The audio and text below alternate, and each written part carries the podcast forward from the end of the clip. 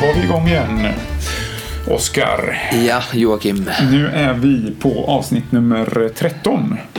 Som ska eh, avhandla öppet hus, friskdagar och LCHF och lite blandat. Vi, Lite tittarfrågor så. Ja. Lite lyssnarfokus kan vi säga. precis. Och eh, även eh, eh, har ju swimrun skotestet kommit nu så du ska kommentera det lite grann också. Ja. Ehm, Ja, som sagt, vårt ämne idag är öppet hus, friskdagar, LCHF med lite swimrun skotest. Eh, Jag ska nämna våra sponsorer. O23 Konditionscenter. Kolla in hemsidan på o23.se. Bergatroll Media, Fredag Event och Kommunikation. Eh, ja, vi kastar oss raskt in i vårt lilla hopplockade ämne idag. Eh, och eh, vi hade ju, eh, körde ju ett öppet hus i lördags eh, på O23 Konditionscenter där, där du eh, ja, pratade lite grann eh, och eh, även eh, då de som var där fick testa på att träna lite grann med dig och Thorax Trainer. Ja. Det kändes som ett väldigt trevligt och lyckat litet event vi Ja, körde. va? verkligen. Och det var roligt också. Syftet var ju också att få dit några av våra lyssnare och samla in lite tankar, funderingar och få lite feedback kring, kring Korrosionspodden också. Eh, och jag tycker vi fick ju spelat in några intervjuer med dem och lite spontana kommentarer och så som vi kommer att eh, spela upp här i avsnittet längre fram. Eh, så att, eh, det tycker jag också är väldigt viktigt att, att, att få träffa våra lyssnare fysiskt. Mm. Ja, det var kanon. Eh, som sagt, vi kommer och eh, vi har gjort ett litet klipp där som vi, som vi med eh, både lite grann utav eh, ditt prat då, eh, innan och sen lite grann vad folk hade för kommentarer. Men vi ska ta och köra lite reaktioner på Swimrun skotestet och några frågor först då.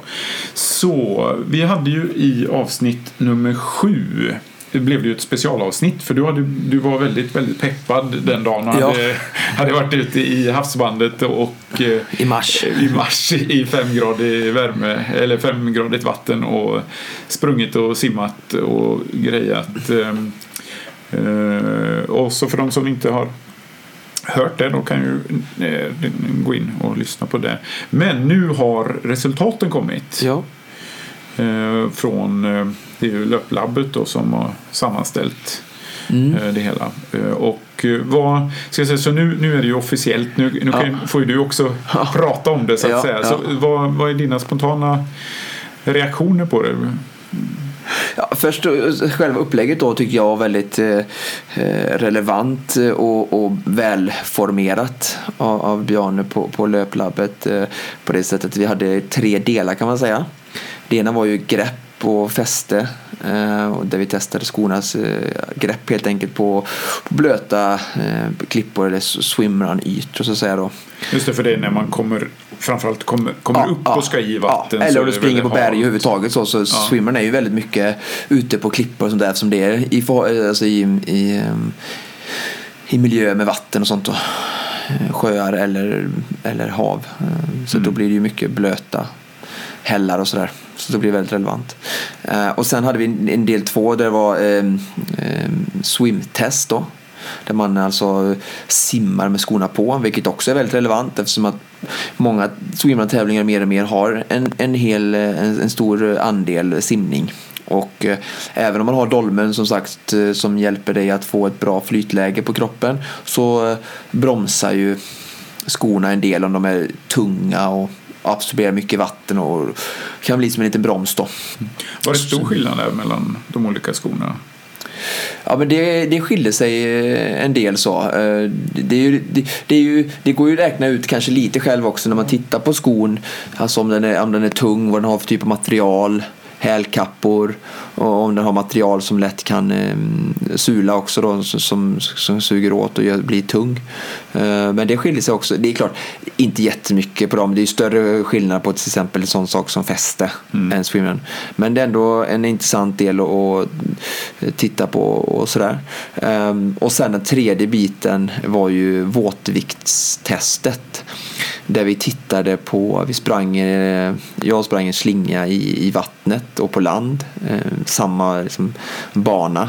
Eh, och eh, sen så stannade vi på samma ställe, tog av med skorna och så, så vägde vi dem då och jämförde med vad de vägde torra då fick man ju en, en, bra känsla för hur fort och hur mycket de dränerar då. Eh, för man vill ju också att skon ska återgå till så lätt eh, som möjligt när man börjar springa på land igen då så att den inte eh, blir under loppet eh, väldigt mycket tyngre än om den hade varit torr. Eh, en sko som, som dränerar bra blir, blir då samma sköna och lätta sko som den är när den är torr. Och det är klart, det är ju egentligen då samma sak när man är ute och springer i i vanlig terräng också och blir blöt om fötterna. Då, ja, ja. Precis, springer du mycket trailträning och, och man kör ut så är det ju ofta mina skor blir pisseblöta, särskilt på det ena halvåret när det är mindre torrt som på sommaren. Så, så är det också jätteskönt att, att ha en trailsko um, som, som, som ventilerar eller som, som dränerar bra och snabbt. Uh, så det behöver inte alls bara vara swimrun liksom. Och många av de här skorna är ju verkligen uh, bra trailskor också. Alltså, så. Eh, och jag tänker på resultatet då med alla de här eh, mer detaljerade eh, så säga, redovisningarna och så kan man ju se på löplabbet.se. Mm. Och vi har ju publicerat även filmen där varje vinnare i varje de här tre grenarna också presenteras i filmen. Så på Konditionspodden har vi den filmen rullandes där. Och såklart Lövlappet sprider genom sina medier. Så, så den, den eh, filmen säger mycket och eh, ger en bra eh, överblick eh, och vad som kan vara bra att tänka på också. Hur, hur eh, hade du någon favoritsko som du, eller eh, hade du rättare sagt, var det någon hade du några andra eh, så att säga eh, synpunkter eller så än, än de som kommer fram där så att säga som, som du personligen upplevde? Ja precis. Eh, det, vi var ju flera stycken i testet och vi betygsatte dem noga med 1 till 10 i eh, både på fäste och känsla och grepp och eh, dränering och saker som vi upplevde så.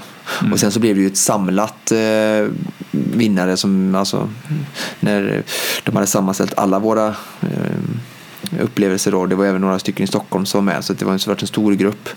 Den, den skon, de, de två skorna som presenteras som vinnare i de olika eh, momenten. Eh, det är en sko som vinner två moment och en sko som vinner ett moment. De eh, var absolut några av mina favoriter. Men sen fanns det även eh, en, en sko från eh, Innovate Extalon och en Icebug eh, Mist och en sko från eh, Salomon och även New Balance eh, som jag gillade väldigt mycket. Mm. Um, så att um, det, jag, jag själv personligen har kanske haft lite svårt att säga, säga så här, det här är en klar vinnare. Mm. Uh, det är ju så också som jag tycker är viktigt för folk att, att fundera på är ju vilken typ av nivå man är på. Mm. Uh, vilken typ av swimrun uh, tävling man ska vara med på. Och um, om man ska använda skon till något annat. Eh, som som traillöpning och om man har möjlighet att köpa två par skor eller inte och sådär. Eh, så det är ju lite olika aspekter. Mm, så. Eh, och vissa skor har jättebra fäste men så kanske lite sämre komfort då. Och om man inte kör full gas ner för klipporna så kanske man ändå inte utnyttjar det fästet. Så då kanske det är bättre att gå på komfort om man är en rookie. Även om jag tycker att fästet personligen är väldigt viktigt. Så det, finns flera aspekter. Det är inte, inte så enkelt att säga att den här skon vann så det här är bäst för alla. Det är lite Nej. mer nyanserat skulle jag säga. Ja, det, är väl klassiskt så just att det, det, är väldigt svårt att, att säga att det här är perfekt för vem som helst utan ja. man måste så hitta sin ja, egen. Men det man kan säga i alla fall tycker jag som jag tycker är det bästa med testet som jag hoppas eh, och tror att löplabbet gör och, och som jag kommer göra såklart också med mina kunder det är att vi har fått väldigt mycket eh, kunskap och erfarenheter genom testet mm. så att vi kan hjälpa våra kunder, framförallt löplabbet som, som jobbar med skor, att, att rekommendera rätt sko för, för den löparen som kommer in i butiken. Eh, det tror jag är det viktigaste. Att de kommer, jag ska springa öloppet, jag ska springa kustjagaren, jag ska göra den här swimrun-tävlingen. Eh, jag har de här eh, förutsättningarna, jag är på den här nivån. Och den här foten. Så, så, så kan man lättare med, med, med vetskapen efter det här testet och med olika eh, features eh, ge bra rekommendationer till rätt sko. Det tror jag är nästan det viktigaste som, som kommer ut av det här testet för löplabbet i alla fall. Som mm. kan använda kunskapen och sälja mer rätt skor. Just det. Vi, vi kan väl göra som så också att vi lägger ut en, en länk direkt till den resultat eh, eh presentationen som de har. Ja. På, som vi har på eh, vi lägger ut den på, på vår Facebook-sida. Ja, precis. Mm. Och vi, vi är ju eh, konditionspost, nu kan jag inte prata heller, konditionspodden på Facebook så, så hittar man oss ju där och där kan man då hitta den länken. Bra. Um, har du någonting mer att tillägga där eller ska vi gå vidare på nästa? Jag tycker vi kan gå vidare. Det blir bra. Uh, då har vi um, en fråga. Vi har egentligen ja, vi har ett par frågor som vi ska ta uh, idag och uh, då har vi bland annat Inge Holmqvist som eh, är en rackarns simmare. Väldigt, väldigt duktig simmare. Ja. Eh, vi har eh, bara en önskan om att simma lika fort som han. Ja. Men det kan vi inte. Eh, hej Joakim och Oskar. Tack för ett riktigt intressant och bra program. För att få ut maximalt av träningen är det ju bra att lägga upp träningen på ett smart sätt. Men eh, för att ens kunna träna är ju friskdagar en förutsättning.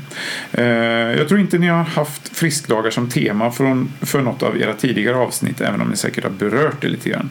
Jag och säkert många andra lyssnare skulle säkert eh, finna det intressant och nyttigt om ni kunde göra en djupdykning i hur man kan göra för att maximera antalet friskdagar och minimera antalet sjukdagar för att på så sätt eh, maximera antalet träningsdagar.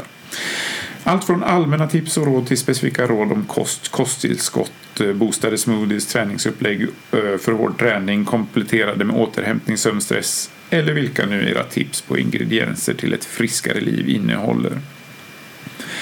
Eh, själv är jag astmatiker och har en del allergier som dessvärre gör eh, att jag verkar vara extra mottaglig för infektioner.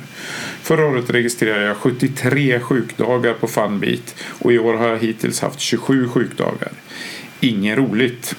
Eh, då det istället eh, eh, är en massa roliga träningar och tävlingar jag vill hålla på med. Simning, triathlon, cykling, löpning med mera. Gärna i stora doser. Därför, vilka är era bästa tips på att skapa förutsättningar för fler friskdagar och färre, inom parentes, inga sjukdagar? Med vänlig hälsning Inge Holmqvist från Triathlon Väst. Ja, det var ju en ganska lång och uttömmande fråga får man säga. Eh, men eh, det, ja, det är väl bara att eh, vi kastar oss rakt ut och försöker ge lite råd där mm. Eh, ja, det är ju en komplex fråga såklart. Eh, jag funderar på var jag ska börja. Eh, men om man ser att man har eh, framför sig en, en skål. Um, så, sen är det så att för olika människor med olika förutsättningar, alltså det kan vara fysisk, fysisk förmåga, genetiskt, uh, sådär, har, man, eh, har olika stora skålar. Ehm, och om, om skol, skålen någonstans eh, symboliserar ehm, mängden av belastning man kan klara. Um, och den eh, måste ju varje person såklart hitta den gränsen. Det är lite den jag försöker hjälpa till och, hitta med dem jag coachar. Um, var, var, balansen ligger för hur mycket man kan träna och hur mycket man kan jobba och, och sådär. Um, för att hitta balansen. Och eh, det som jag tror är det vanligaste, jag har varit inne på det här någon gång tidigare i något avsnitt tror jag, det är att folk inte riktigt förstår vilka bollar det är som hör hemma i den här skålen eller som, som faktiskt hamnar i den här skålen. Det är att man kanske bara tror att bollarna från träning hamnar i den här skålen och det blir någon slags måttet för vad jag klarar. Men det är ju så att det, eh, bollar från eh, eh, problem i relationen, alltså att man bråkar lite grann. Man har ett bråk någon gång. Eh, man stressar iväg med eh, att man ska väga aktiviteter, sociala aktiviteter, barn, jobb, arbete. Massan av sådana här typer av åtagande aktiviteter och stressmoment eh, blir ju en liten boll, precis som ett träningspass blir en liten boll som, som läggs i den här skålen. Eh, uteblivande antal timmar, timmar sömn skulle kunna vara en, en del. Eh, det kanske inte blir en boll då, men det gör att kanske skålen krymper den eh, veckan eller den månaden så att det får plats mindre bollar. Och om vi säger då att, att man har plats för 20 bollar så kanske det är fem av dem är träningspass i ingens fall och, och mm, 15 bollar är, är andra saker. Um, och där tror jag att om man inte har en coach eller ett bollplank så, så behöver man jobba aktivt och periodisera och justera sin träning under olika perioder eftersom att alla, allas liv ser olika ut och går upp och ner med sådana här typer av bollar då som, som, som skapas i vardagen. Och så göra då en mer noggrann utvärdering och ehm, eh, eh, prioritering vecka på vecka. Ja, nu har jag de här, de här, de här åtaganden med familj och arbete och socialt. Så då, måste jag, då kan jag inte plocka in sex stycken bollar träning som jag hade förra veckan. Men jag tror att där är det så att vi har satt upp en slags föreställning om att jag ska träna fyra, fem, sex, sju pass i veckan, tre pass. Ehm, och, och vad som än händer så ska de passen göras. Vi är väldigt rutinstarka människor och vi är måldrivna och vi gillar inte att eh, ställa in saker för att det förknippas oftast som en svaghet att inte fullfölja någonting och, sådär. Vi är ofta stolta upplever jag i Sverige kanske men såklart hela mänskligheten. Ingen vill misslyckas. Och, och, då blir det svårt att plocka bort de bollarna och då så, så kör, man, kör man på och då hamnar man tror jag där inga hamnat med 73 sjukdagar vilket är extremt mycket tycker jag för, för ett, så mycket ska det inte vara. Då. Och, och då har man inte hittat balansen med alla de här bollarna och gjort rätt prioriteringar. För att kroppen är ju väldigt fantastisk på många sätt. Alltså allt ifrån graviditet, eh, processen till eh, sjukdomsprocessen och läkande av alltså hur hela, kroppen helar sig och immunförsvar och sådär. Och, och, och, när vi blir sjuka så säger kroppen att eh, nu har du, liksom, nu har du kört för hårt.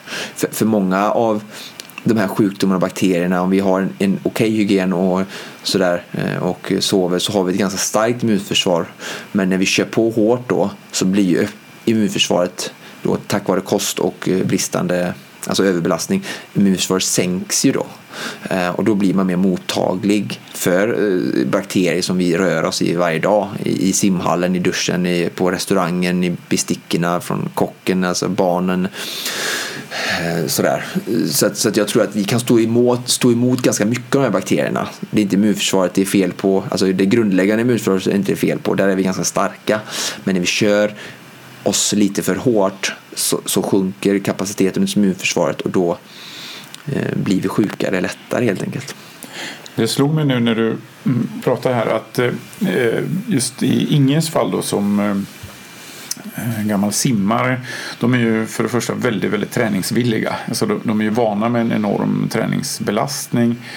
Eh, sen är det ju det att när man simtränar, jag har ju också eh, jag har ju hållit på en del med simträning och, och, och så. Eh, då kör man ju nästan alltid alltså, ganska hårda pass. Det är, det är väldigt sällan att du kör ett pass som är den här typen av pass som vi har pratat om tidigare med eh, väldigt lågintensiva som återhämtningspass eller väldigt, väldigt lugna pass.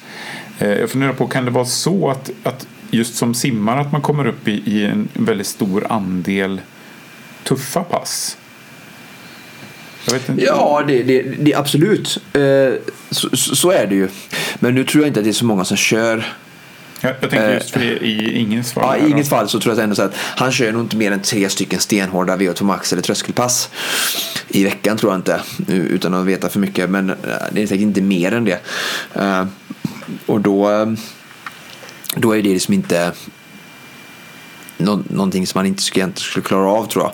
Men det, det är mer det att jag tror att han, han kör nog det som jag sa där att han kör det oavsett vecka vi, må, vi behöver bli bättre på att som sagt ha respekt för de här andra parametrarna som spelar in i skålen av bollar och att plocka bort eller liksom ta det lugnare då att köra en vecka med tre stycken lugna simpass för att det är så mycket.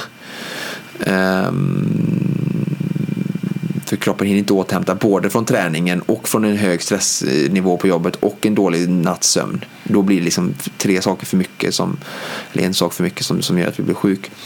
Så, så, och det återigen, där faller det tillbaka till liksom att för simningen, det är muskulärt och, och överhuvudtaget tror jag att där klarar man ligga på ganska höga belastningar så, eh, till skillnad från till exempel löpning kanske. Då.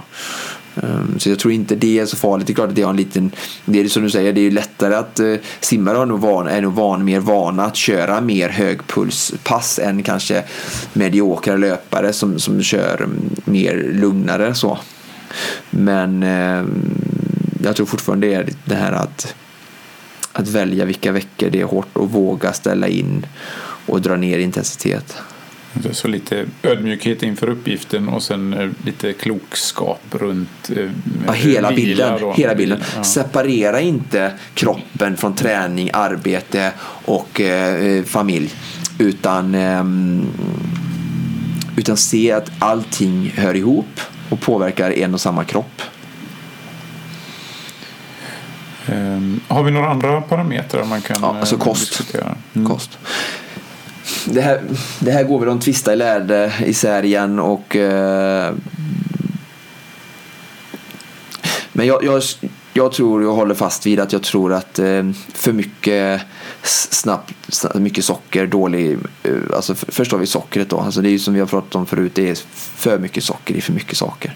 Särskilt i våra eh, mellanmål, eh, våra snabba alltså halvfabrikat och mat och vad man äter hemma och så ingen behöver verkligen se över vad han äter hemma tror jag. och sen titta på det att, för att när man stressar, alltså man kan ju stressa kroppen på olika saker som jag sa, kortisol då, eh, som kommer mycket i form av stress. Och samma sak insulin är ett hormon som, som, som vi stressar kroppen med när vi äter socker. Och äter man socker fem, sex gånger om dagen eller tre gånger om dagen eller två, alltså mycket stora mängder, så är jag övertygad av att att alltså, man stressar ut det hormonet insulin i kroppen så påverkar det också återhämtningen. Och om man gör det sju dagar i veckan så får kroppen på den punkten aldrig vila. Eh, och vi behöver ju mellan träningspassen, mellan vårt hårda familjeliv och arbetsliv så behöver vi liksom få chans att återhämta. Och om det är mycket eh, socker i maten så, så, ehm, så, ehm, så tror jag att det stressar kroppen och påverkar återhämtningen. Så att minimera sockret så mycket det går. Äta bra kolhydrater liksom i samband innan och efter hård träning, ja, bra. Men inte hela tiden, sex mål om dagen och, och gå tillbaka som vi pratade om förut, mer back to basic. Grönsaker, kött, fisk, vegetarisk.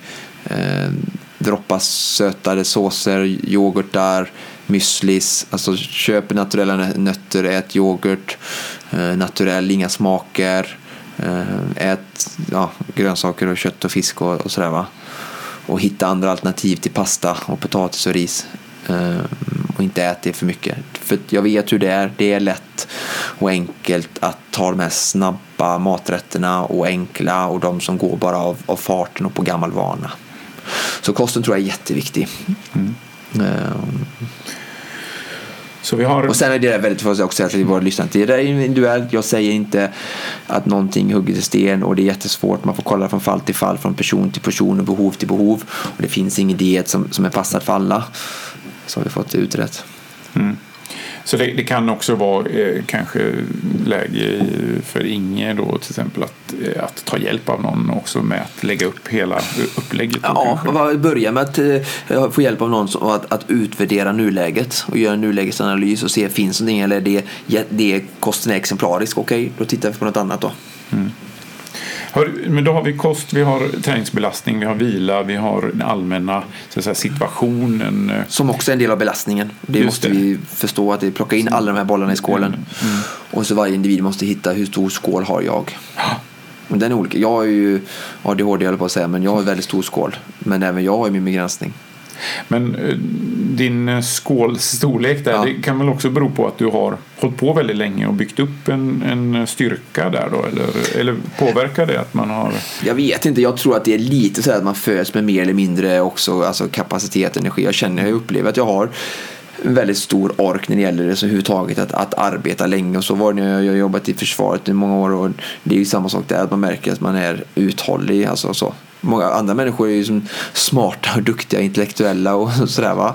Det kanske inte är min starka sida, vad vet jag. Men en stor energikapacitet oavsett vad jag tränar eller vad jag gör känner jag att jag har. Men, men, det viktigaste är, det är skitsamma vad jag har, det viktigaste är att var, var och en hittar sin storlek på sin skål och mm. fyller den upp till, till jag tror att vi behöver också utmaningsstimulans både muskulärt och i livet, i arbetslivet och i familjelivet. Så jag tror inte vi ska fylla skålen halvfull utan jag tror på att fylla den till 90-95 procent snarare än 150-150 men inte 85 heller utan jag tror att vi mår bra av att fylla upp skålen till, till till rågat eh, och, och, men, men hitta den balansen så att den är rågad varje gång. Och ibland tror jag att den blir liksom 150, ibland blir den 50. Och det är lite som jojo-bantar, så vi mår inte bra av att åka upp och ner, utan inte blodsockret heller, utan mycket i livet mår bra av att, eh, att flöda jämt. Långsiktighet och planering. Ja, ja, precis. Det är också en grej att man vill inte erkänna att det tar massa tid att planera, men så är det med allting. Alltså. Mm. Hur, finns det några bra tecken så att säga på när man, eh, låt oss säga nu att man, man har spänt bågen lite för mm. mycket. Då. Ett klart tecken är såklart att man blir sjuk och förkyld ja. och så, men, men innan det kan, ja. kan man Jag liksom... vet ett som jag kan, jag som tränar mycket och, och jag försöker nu faktiskt senare tid bli bättre att lyssna på detta och bara sänka garden i de lägena. Och det är faktiskt suget. Mm. Det är lite som socker också. Du vet att när du äter för mycket socker så är du inte sugen längre. Då vet du att nu har jag ätit för mycket. Mm. När du inte är hungrig längre då tycker jag också att du har ätit för mycket nästan. Alltså om du är proppmätt. Du har ätit för mycket. Det är bättre att vara lite små, små inte, inte, inte, inte vrålhungrig utan Alltså du behöver, behöver inte vara proppmätt när du slutar äta, då har du ätit lagom. Och samma sak när du inte är sugen på att träna. Alltså man hittat som ingen vet, jag kan prata direkt till honom här, att han har, han har en stark viljekraft, ambitiös kille som är duktig simmare och tydliga mål. Så det, han är liksom inte från noll. Om det är någon som är hemma nu och lyssnar som inte tränar noll pass i veckan. Då kanske man behöver jobba liksom med motivationen på ett mentalt plan och sådär. Men i Inges och många av våra lyssnares fall så tror jag att det är en bra eh, indikator som du frågar efter. Att när jag inte är sugen, jag känner mig lite apatisk, jag är inte sugen på att träna, jag är inte sugen på att trötta ut mig och så gör man det ändå. Jag tror att det är liksom det är väldigt, kroppen är grym där alltså. Så, så lyssna och säg att jag känner mig inte alls sugen på att träna. Nej, men det kanske är för att du har tränat fem, sex pass och du hade mått bra av att ta två dagar off nu och sen bara känna hur det där hungret bygger upp. Och det känner jag ofta igen med mina formtoppningar inför stora tävlingar. Att jag är ganska less på triathlon och långdistans i slutet av formtoppen. Och sen så den här två veckors eh, träningslättnad och, och formtoppning in mot tävling så, så kommer den här hungern. Och från att man satt på cykeln två veckor senare och bara så här, hur ska jag orka cykla 18 mil. Fy fasen vad tråkigt. Jag bara spyr. Wow. Och så står man där sen dagen efter eller tre dagar innan för tävling så kommer det krypande. Man har inte tränat mycket, man är rätt fräsch i kroppen och framförallt då den här mentala hungern kommer tillbaka. Den har gått från en mental mättnad till en mental hunger. Så man bara inte kan vänta till att få höra den här liksom signalen ljuda sju på morgonen i vattenbrynet. Så, um, mm. Grymt. Ehm, ja, men då har vi väl eh, gett Vi hoppas det. Annars får han uh, utmanas igen och ställa mer frågor på vår Facebook-sida så ska vi försöka bemöta. Yep. Ja, verkligen. Det, men just nu är det en monolog. Och, eller om det är någon annan som har eh, en följdfrågor eller någonting ja, ja. sånt så, så försöker vi verkligen göra vårt bästa för att reda ut. Ehm, vi har en till fråga som ehm, rör LCHF och den är ju rätt så specifik men jag tänker vi, vi kan ta en liten eh, vidare diskussion där för du har ju en, en hel del intressanta rön från, från din studietid och sådär så, där, så mm. vi, vi utökar den här frågan lite grann efterhand. Men vi börjar med frågan i alla fall från Peter Flemsjö. Eh, som för övrigt var en av de som dök upp i i lördags på ja, Öppet hus. Roligt, så kul att ha Peter där. Skoj. Han hade eh, kommit i kontakt med podden via jogg.se och sen så tyckte han det var intressant så kom han och, ja, och testade. Så det, det, var, det var skoj. Um, Eh, Hej! Riktigt kul att träffa er idag och köra pass med Oskar. Eh, jag pratade lite med honom om LCHF som jag kör eh, sedan eh, cirka ett år tillbaks och han sa att ni har tankar på ett sånt avsnitt. Eh, gissar att det blir ett intressant avsnitt. Eh, Eh, Uh, no, det jag funderar på avseende LCHF är egentligen två frågor. Men först vill jag klargöra att jag kör LCHF av hälsoskäl. Uh, jag tror inte att det förbättrar mina prestationer som handlar om löpning upp till halvmara distans. Eh, så då har vi fråga ett. När man kör low carb, det vill säga mindre än 20 gram kolhydrat per dag och kan anses vara i ketos. Där eh, kanske du sen får berätta vad det är, Oskar. Ja. Eh, och moderat med protein. Eh, när behöver man fylla på med kolhydrater för att prestera maximalt? Låt oss säga på 10 kilometer eller halvmara. Det är lika bra vi, vi stannar där så kan vi ta den andra frågan sen då. Eh, ja, har du något bra svar där? På hans fråga. Ja, eller du kan och för sig börja med vad, vad är ketos för någonting? Ja, det är ju eh, det bildas i levern eh, kortfattat när eh, kolhydraterna är slut kan man säga. Så det blir som kroppen bryter ner fettsyror, triglycerider eh, och använder ketos blir som energi istället då eh, till hjärnan eh, när, när kolhydraterna är slut helt enkelt. Så det kan ju komma via om man fastar eller om man till exempel äter väldigt strikt eh, kolhydratsfattig kost och som han pratar om här. Um, ja. Och eh, frågan där då. Eh, när man behöver börja fylla på inför ett, ett lopp då med. Ja, precis. Eh, om, det är, om det är ett ganska viktigt lopp och sådär och det är lite, det är lite längre eh, så ska vi säga att det är väl bra om man försöker börja en vecka i tid. Alltså, vi, den klassiska kolhydratuppladdningen går ju till så att man kör ett tömningspass. Och han är ju i princip tom när han redan börjar den här veckan om man säger så, sju, åtta dagar innan. Så att eh, när man kör det tömningspasset så, så försöker man ju tömma sig tom i, på muskelglykogen som är ungefär 2500 kalorier. Eller det är vi i glykogen ihop med lever och i muskelglykogen är det typ 2000 och levern 500 men det är liksom vår maximala inlagringskapacitet i kroppen så eh, brukar man ju tömma sig så mycket som man är väldigt låg för att när man är tom så har man lite, är, när kroppen är tom så är man lite mer benägen att, att eh, lagra in. Och då gör man normalt sett så Ungefär gör man då innan. Ett, ett, ett, pass där man, Tömmer. Som, som man inte äter någon kolhydrater och sen så kör man ganska passet. långt pass. Ja, då. 100 ja. minuter kanske. Ja. 100 till 2 timmar. Och, och, och sen efter det då så börjar man fylla upp. Och sen då som de, den, det är skönt nu att den, den flesta av, av eh, Eh, rekommendationer som kommer mer nu som, som forskningen har sett nu är att ät bra, eh, nyttig mat säger man. Och man säger fyll på lite och ofta med bra sammansättning av kolhydrater, fett och protein. Med en lite såklart större mängd eh, kolhydrater än fett. Då. Och eh, gör det i en vecka tillsammans med en nedtrappning av din aktivitet så kommer du ju gå plus hela tiden.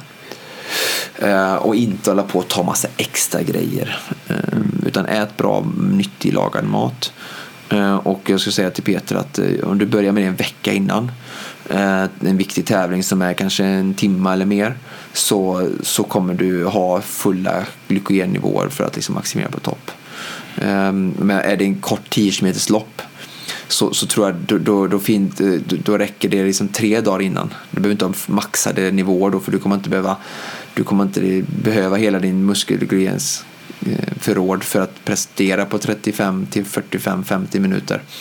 Så ehm, då räcker det tre dagar innan och äta bra med kolhydratsrik mat och eh, framförallt ladda dagen innan ordentligt så att han har, känner sig liksom eh, har det bra med lite raketbränsle för att han kommer ju han kommer ju nästan från start på ett millopp att direkt eh, ha, har väldigt eh, hög förbränning av kolhydrater och omsättning då eftersom intensiteten på ett sånt lopp är väldigt hög.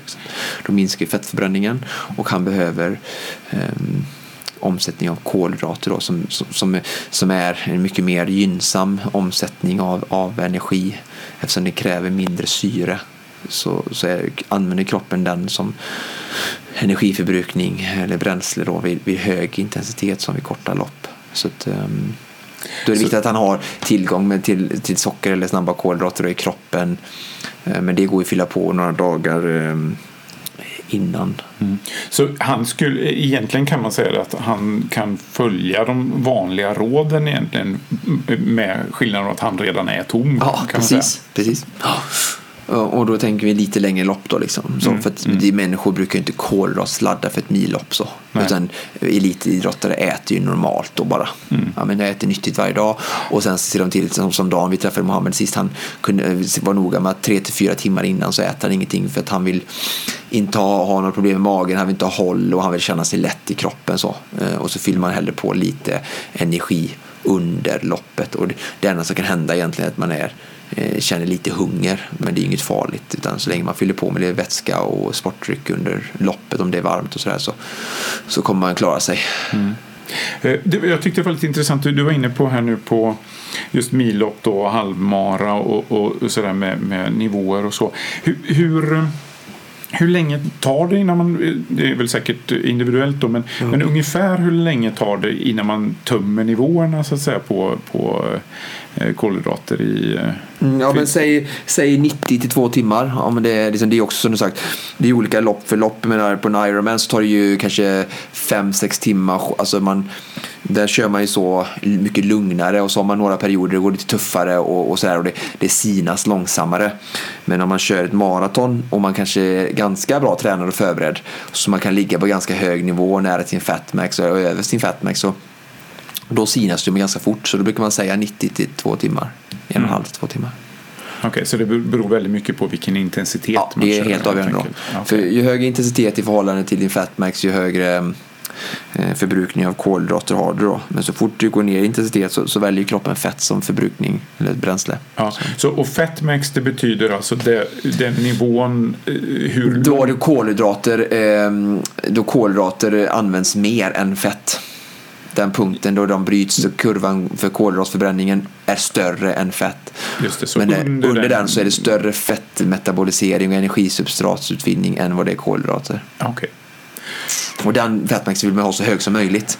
Som Marcus Hellner till exempel. Att, eh, som, och den här höjer man i med hög, hög, högintensiv och, och mycket stor träningsbelastning så höjer man sin fettmax. Marcus Hellner just då, som jag har kollat mycket på eh, som har en väldigt hög fettmax det är väldigt gynnsamt då för han kan ju ligga på väldigt hög nivå och åka med en femmil på väldigt hög kapacitet eller hög fart och ändå spara kolisarna väldigt, eh, den snabba energin alltså, väldigt länge och sen liksom ha den och ta, plocka fram ordentligt i slutet då. Då är han fortfarande explosiv då Ja, i, precis och har i- mycket kraft. Ja. För, för, för kolhydrater är ju kraft i, i ett hårt lopp. Det är inte fett. All right. Eh, Då ska vi se, han hade en fråga till då. Eh, när, man un- eh, när man ökar andelen nu. Eh, när man ökar andelen kolhydrater inför ett lopp enligt ovan, hur mycket kolhydrater ska man inta för eh, man 75 kilo och när är det lämpligt att inta dem under veckan ja, eh, för att ge, hinna bli muskelglykogen och ge maximal prestation på race day? Och det kan man säga att det har vi ju redan svarat på Ja, faktiskt. ja, så att. Så det, ja, ja, då gram där kan man säga att någonstans eh, runt, eh, de brukar rekommendera 6 till 10 gram per kilo kroppsvikt per dag. Så dygn så. så.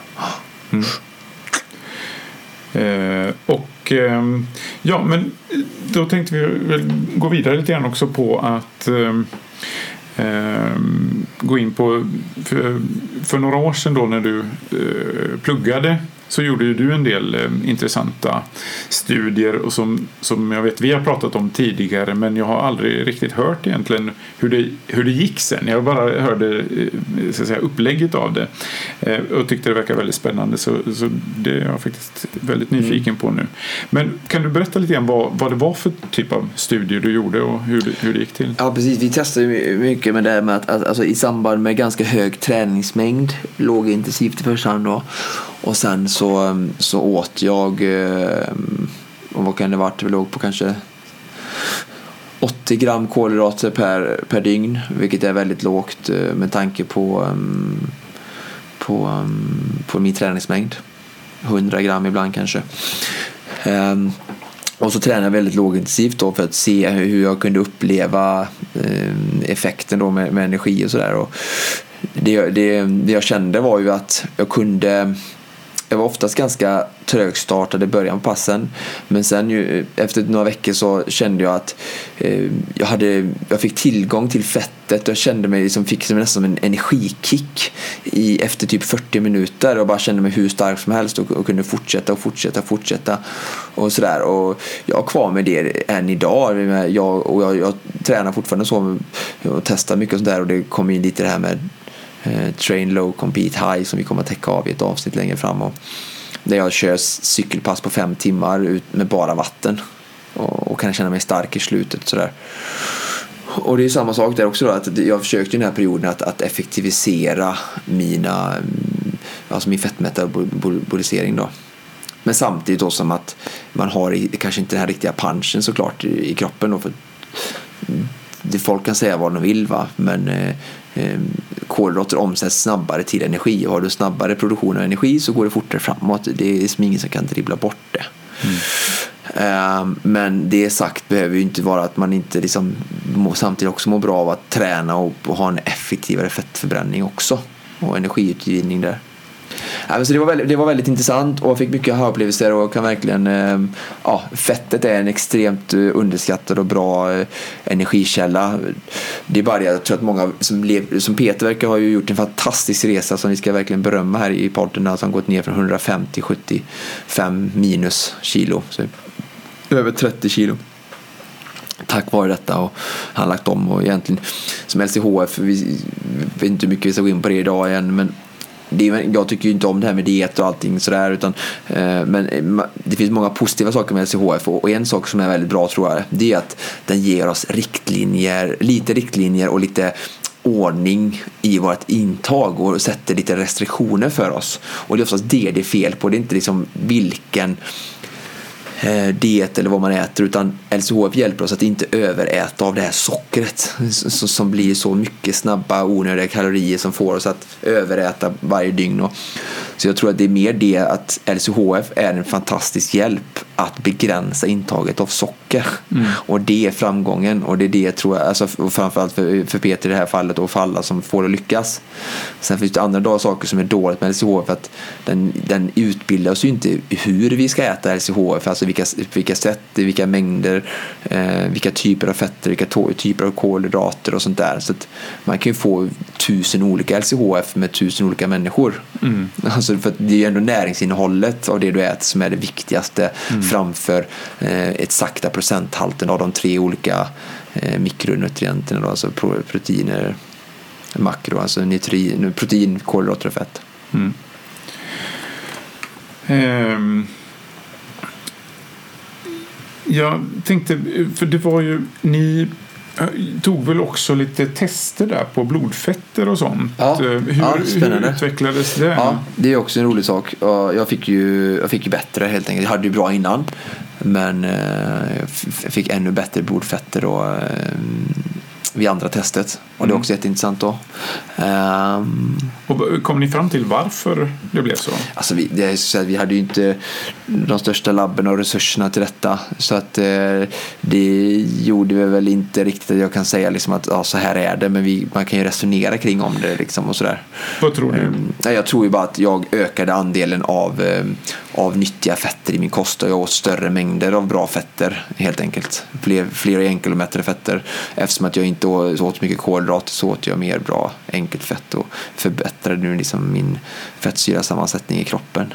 Alltså äter man bara mättat fett så får man blodfetter därefter med högt kolesterol och sådär. Och äter du bara liksom nyttiga, bra, fleromättade fetter och enkelmättat så, så, så får du en bättre fettkultur. Mm. Så du, var, du var rätt så noga där då med vad du åt? Ja, ja väldigt noga. Ja. Alltså jag valde ju bara, jag åt ju väldigt, väldigt eh, bra eh, LCHF då, i mina, min mm. mening. Mm. Ja, det, det, kan ju vara en, eh, en bra grej att, att ta med sig då kanske. Att, mm. att det är viktigt. Men det, det är ju intressant också just det här med att, för det brukar man ju vara, eh, just blodfetter och så är en, en sak som man ofta kommer in och diskuterar då när det gäller just LCHF och, mm. och så. Då. Ja, det är spännande. Och du var in lite grann där på redan hur det var att träna och tävla och det gick eller tävlade du överhuvudtaget på, under den här perioden?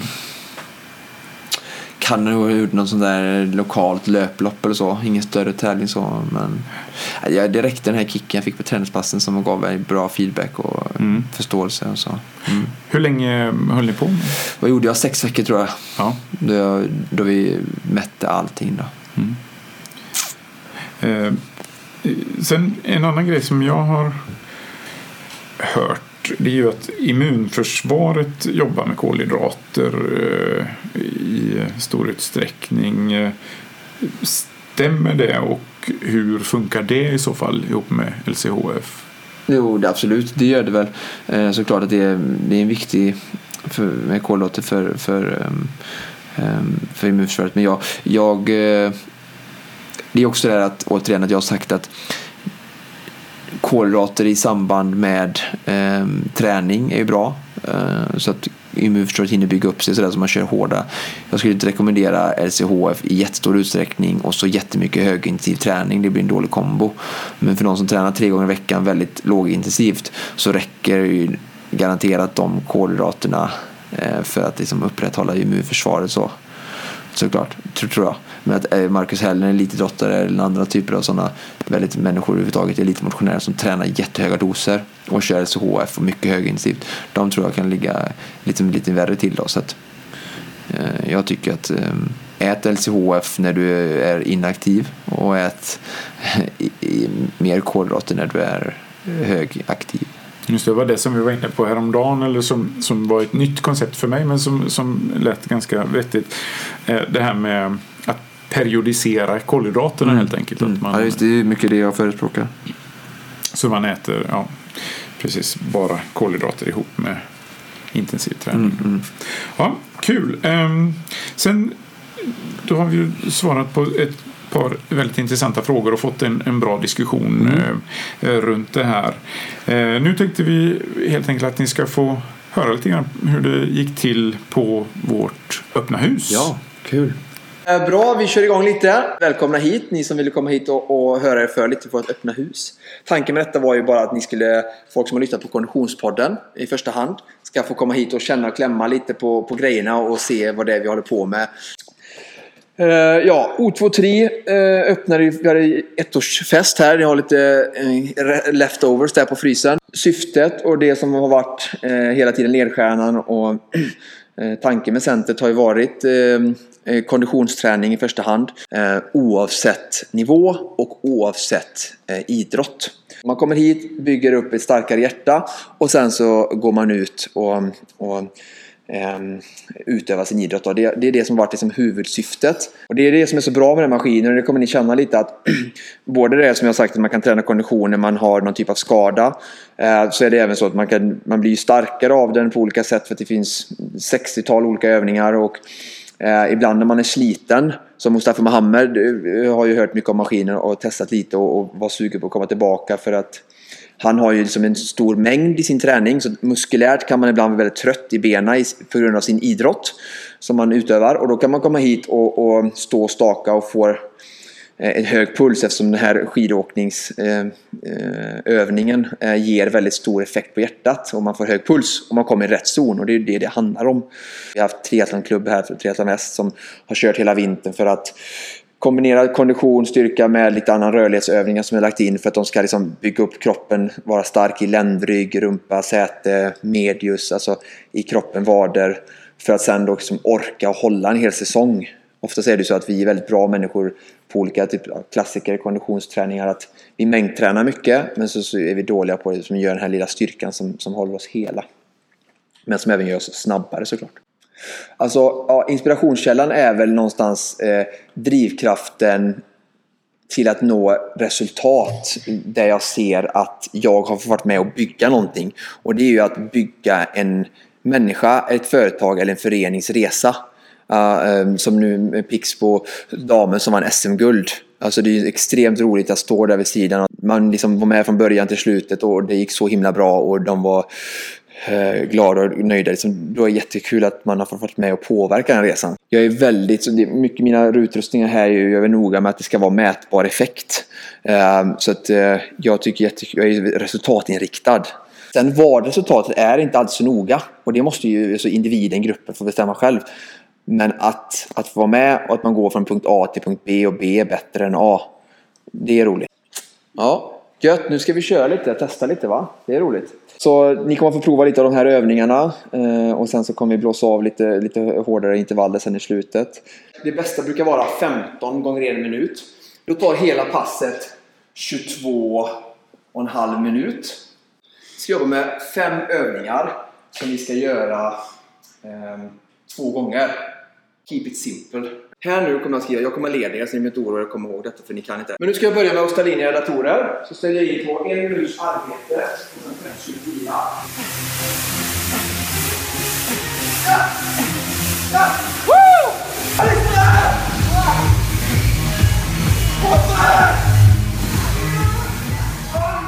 Du kan presentera dig då. Ja, Peter Flamsjö heter jag. Jag Ja. bor här i Frölunda. Ja. Och du är löpare. Jag är löpare. Jag springer 5-6 gånger i veckan ungefär.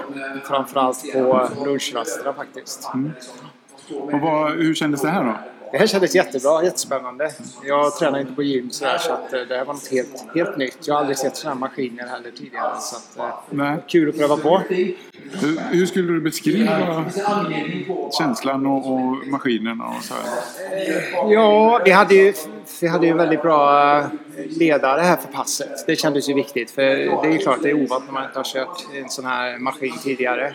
Eh, och han var ju väldigt inspirerande Oskar här. Så det kändes väldigt bra. Eh, sen var det ju intressant att man kom upp i puls så pass snabbt som man gör. Man jobbar verkligen med hela kroppen. Eh, och ändå sliter man kanske inte på kroppen eh, som man gör om man kör med ena handen. Som löpning kan vara till exempel. Just det. För nu körde ni då, eh, jag satt ju bekvämt bredvid och, och fotade och, och spelade in lite grann. Så jag slet ju inte lika mycket som ni då. Men då körde ni först lite in, in uppvärmning och, och Ja, sådär. det var ju flera som var nybörjare så först fick vi instruktioner och komma igång i maskinerna. Och sen eh, körde vi grundövningarna här som gick att variera på ganska många sätt. Och sen körde vi, körde vi igenom övningarna och sen ett eh, lite tuffare pass på slutet då, för att få upp pulsen. Och då blev det bra drag här inne. Vi drog på musiken här och det blev en härlig stämning. Ja, det såg ut som ni, ni fick jobba för brödfödan. Ja, så de, de tog av sig tröjorna här killarna. Det kände jag att jag var lite för gammal för. Men det blev bra. Det blev bra drag i alla fall. Ja. Tror du att du får mer smak av det? Så... Ja, absolut. Jag får kolla. Det jag förstod är det här en ganska unik eh, anläggning om man säger så i Sverige. Sådana här eh, apparater finns inte på kanske mer än något enstaka ställe i Sverige. Så det är lite kul. Så det får jag kolla upp här. Vi skulle ju få något material också. Så vi kan läsa in oss lite på det här tor- Thorax Trainer. Då. Ja, precis. Eh, Så det är spännande. Absolut. Och som en, som en variation till, eh, ja, till löpningen, som alternativträning, så tycker jag är klart intressant. Där har jag ju för egen del mest kört spinning då, när jag har tyckt att det har blivit för mycket löpning. Men det här är definitivt ett intressant alternativ. Ja, just det, få lite mer med av Ja, ja, jag kände det magmusklerna där, att aktivera magmusklerna och dra, dra och använda magmusklerna är inte jag riktigt van vid. Så det kändes som att det finns en del att jobba med. kommer kännas imorgon kanske. Definitivt. Ashkan, Ja. nu har du testat på det här. Hur känns det? Ja, nej, men det var en eh, tankeställare. Det var... Jag, vet inte, jag har varit lite skeptisk här... Eh, allt har med skidor att göra och lite thorax trainer. Eller vi lockade inte så mycket, men jag har ändrat mig. Mycket mer allsidigt än man kan tro. Stakning, eh, teknik, balans, men mest hög puls. Så var det häftigt att göra det i grupp också. Vad, vad heter du? Martin Blad. Martin Blad. Var det första gången du körde det här? Ja, ja. första gången på thoraxen. ja. Hur kändes det? Asgött. Väldigt skönt för mig. Eh, specifikt för att jag inte har kunnat få eh, den här pulshöjande träningen så lätt. Då jag genomförde en operation för inte så, så jättelänge sedan. Jag är i rehabfas just nu. Bara med lätta instruktioner så styrde han det till hela kroppen för mig. Så att det var lätt att bara köra på. Vad tränar du annars? Eh, jag tränar capoeira eh, som min eh, huvuddisciplin i kampsporten. Hållit på med kampsport i 20 år. Men då har du en vana att ta ut dig i träningssammanhang. Absolut, jag tycker om det till och med. Ja. det syntes. Jag heter Josef. Yes. Och du har ju kört här lite grann tidigare med... Ja, jag kör här eh, ett år. Men jag, jag, jag tränar andra kampsport. Som är, jag tränar en, en kampsport från Brasilien som heter capoeira. Yes. Du, du är capoeira-mästare va? Yes, yes. Jag tränar capoeira 35 år. Wow. Yes. Så vad, vad ger det här för dig då? Jag, jag, jag, jag tränar my- mycket kampsport innan, eh, men den, den här är bästa som finns för komplement. Det är svårt ibland för de som lyssnar och så att förstå de här maskinerna så att säga. Vad, Ja. vad, hur, hur fungerar de? Kan, har du något bra sätt att beskriva? Jag, jag kan säga en sak. Eh, den maskin, man blir ont i hela kroppen. det är ganska tuff träning. Vi, vi körde idag bara 20 minuter. Man blir trött. Mycket trött på en gång. Det är mycket bra komplement. I, i capoeira, på min kampsport, jag känner som jag är ganska explosiv. Ganska explosiv. Och den här är krav mycket, mycket styrka och mycket kondition också. Jag blir, jag blir jättetrött. Ibland jag kan inte hälsa på mig när jag tränar med Oskar här på, i veckan. Ja, det var öppet hus det och jag får tacka alla som var där. Det var väldigt trevligt att ni, ni kom och hoppas att ni hade skoj också. Ehm, och under det här öppet hus så fick vi ju också lite smoothies och eh, bars. Eh, och fick smaka på de väldigt goda bars eh, som Oskar själv har kreerat. Eh, och du, du har ju en liten plan med, med det här med, med bars. Ja. Absolut, det är ett annat projekt eh, som står utanför centret eh, som jag är involverad i. Jag har under många år eh, haft den här tanken och så har jag fått Eh, kommit i kontakt med andra eh, som också har haft en eh, liknande tanke eller sådär. Så att jag har kunnat förverkliga mina recept och jobbat eh, vidare ännu mer. Och vi har börjat hitta några stycken nu som, vi, som jag eh, är jättenöjd med när det gäller både smak och innehåll då. Så att, eh, ja, ett nytt bolag som är startat som, som kommer att eh, tillhandahålla i första hand business to business eh, med bars till eh, företag som, som bra mellanmål. Det kommer vara en, en färskvara som, som, som, är, som behandlas som en frysvara. Men Just det, som, det är ju lite intressant för då får du en fördel i att du får lite mera eh, näringsvärden då eller, eller eh, ja, den är renare kan man säga. ja. Ja just det man, man slipper tillsätta så mycket eh, konserveringsmedel. Precis, och det är det vi inte vill liksom. Och då blir det så att ja, men då håller den inte liksom, eh, så länge i dags i, rumstemperatur men samtidigt så får du en bättre energi då tycker vi då. Bättre näringsinnehåll helt enkelt. Mindre skit. För de som vi fick smaka på där, de Ja. kom nästan direkt i frysen. Ja, ja, och de och det gick ju ja. alldeles utmärkt. Så det som är så fantastiskt med produkten är att den, den går att äta i princip direkt. Så det är inte så att du behöver tina den i en timme utan den funkar att plocka ut på, på företaget och, och em, bara em, äta i princip direkt i kaffet då. Så att em, ja, eh, sälja in till, till företag och stora grupper och organisationer då. Vi har redan sålt våra första eh, till några företag.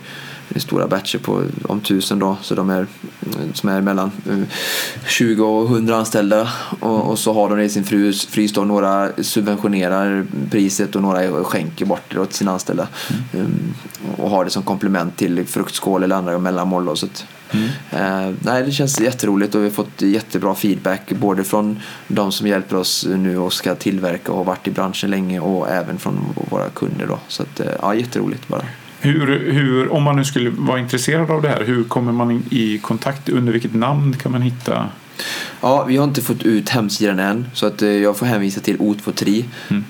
och, Konditionspodden eh, så kommer det slussas ut genom kanalerna och har man eh, något företag man arbetar på och, och tycker det är intresserad, låter intressant så, så kan man använda min mail på O23 Mm. så, mm, så kan jag hjälpa till men det kommer komma upp inom kort med både hemsida och mailadresser och sånt där kontaktuppgifter. Ja, men då får vi anledning att återkomma till den Absolut. när det är färdigt. Men mejla Konditionspodden då helt Ja, enkelt. ja. Så. Kalas. Ehm, det var väl egentligen nej. Vi har ju faktiskt tips och om event och tävlingar också som vi brukar ge lite grann. Har du några bra tävlingar framöver här? Ja, vi har ju en tävling som vi pratade om förut som är eh, intressant tycker jag och det är ju mm, eh, terräng som är ett trevligt lopp som går eh, i, mål vid Fjärås. Eh, men det är nere söder om Kungsbacka-trakten. Eh, trevligt traillopp, finns både eh, 10 kilometer och för de lite eh, längre löparna eh, 30 kilometer. Så ja, ja men det, det tycker jag. Det är den 29 maj tror jag söndag. Den här helgen vet jag inte om det händer så mycket annat än, ähm, än Göteborgsvarvet. Ja, det är klart det är inte så många som vill, vill konkurrera kanske. Nej. Där. Precis. Um, nej, det är ju väldigt uh, populärt och en rolig folkfest. Och deltar man inte så tycker jag att man ska uh, ge sig ut i Göteborg och um, heja. För att det är ju ja, det är väldigt mycket uh, alltså det här, konditionsfest. Precis. och de har ju trevlig mässa i Göteborgsvarvet på Svenska mässan som man kan besöka och, och träffa leverantörer av alla typer av konditionsutrustningar. Och, det finns nog allt möjligt där. Eh, så det är också värt att besöka tror jag på Svenska mässan. Ehm, eh, ja. Men som sagt, nästa helg så har vi eh, Hallandsledens, Hallandsleden terräng då, ett trevligt terränglopp som, är, som går. Sen har vi ju det här också långa loppet som heter Boom som går mellan Göteborg och Borås som jag tror finns i två varianter, en som är 45 kilometer, en som är 80 eller 90 kilometer. det är Borås ultramaraton ja, eller ja, ja. Wow. Så eh, det är också ett sånt där långt lopp. Sen vet jag för de som håller på med triathlon så går ju triathlonsäsongen brukar rivstarta i eh, Växjö. Ehm, det går nog också nästa helg tror jag den 29 maj. Ehm, och det ligger i Växjö. Sen så för de som har lyssnat på Swimrun som är intresserade på det så går ju Ute, Swimrun i Ute. Det går säkert att anmäla sig idag tror jag. Det brukar inte vara helt fullsålt men um, det är också ett trevligt lopp som jag var med i förra året. Um, Var är det någonstans? Utö ligger ju alltså i Stockholms skärgård. Ja. Så man får åka bo, som färja. Det, var, det är väldigt bra organisation. Det är ju Ö till Ö Lemmel och grabbarna som, som arrangerar så det är en väldigt bra ordning och reda där så det är inte några, inte några problem. Sen har vi ju första juni är ju återigen löpfest här i Göteborg i Slottsskogen med Blodomloppet. Det är springa för en bra sak och väldigt eh, trevligt, eh, trevligt bra lopp. Mm. Vad är det för distans? Eh, fem kilometer. Mm. Sen har vi ju eh, Siljan runt som går i Dalarna som är ett trevligt lopp. Ehm, den 4 juni, ett trevligt motionslopp om man vill gilla cykling. Ehm, sen så vet jag, har vi nationaldagsloppet här i Göteborg ehm, som också är cykellopp som är ett trevligt motionslopp som, som jag har cyklat några gånger också som är, som är jättetrevligt. Så det är också väldigt bra. Mm. finns en del att plocka av helt enkelt. Absolut, absolut. Kanon. Ehm, då är det egentligen bara för oss att ehm, ge er den vanliga uppmaningen att höra av er eh, och kom med kommentarer, förslag, idéer och annat till till exempel våran mail på konditionspodden gmail.com. Eh, på Facebook hittar ni oss under Konditionspodden och eh, ja, som sagt allt all kontakt är välkommen för att vi tycker det är väldigt spännande att höra vad ni har att säga. Eh, nästa, nästa veckas ämne kommer att vara löpteknik. Då ska vi dyka djupt in i den mystiken. Det ska bli spännande. Och för övrigt så får vi bara tacka för idag helt enkelt. Ja. Tack så mycket. Tack. Hej.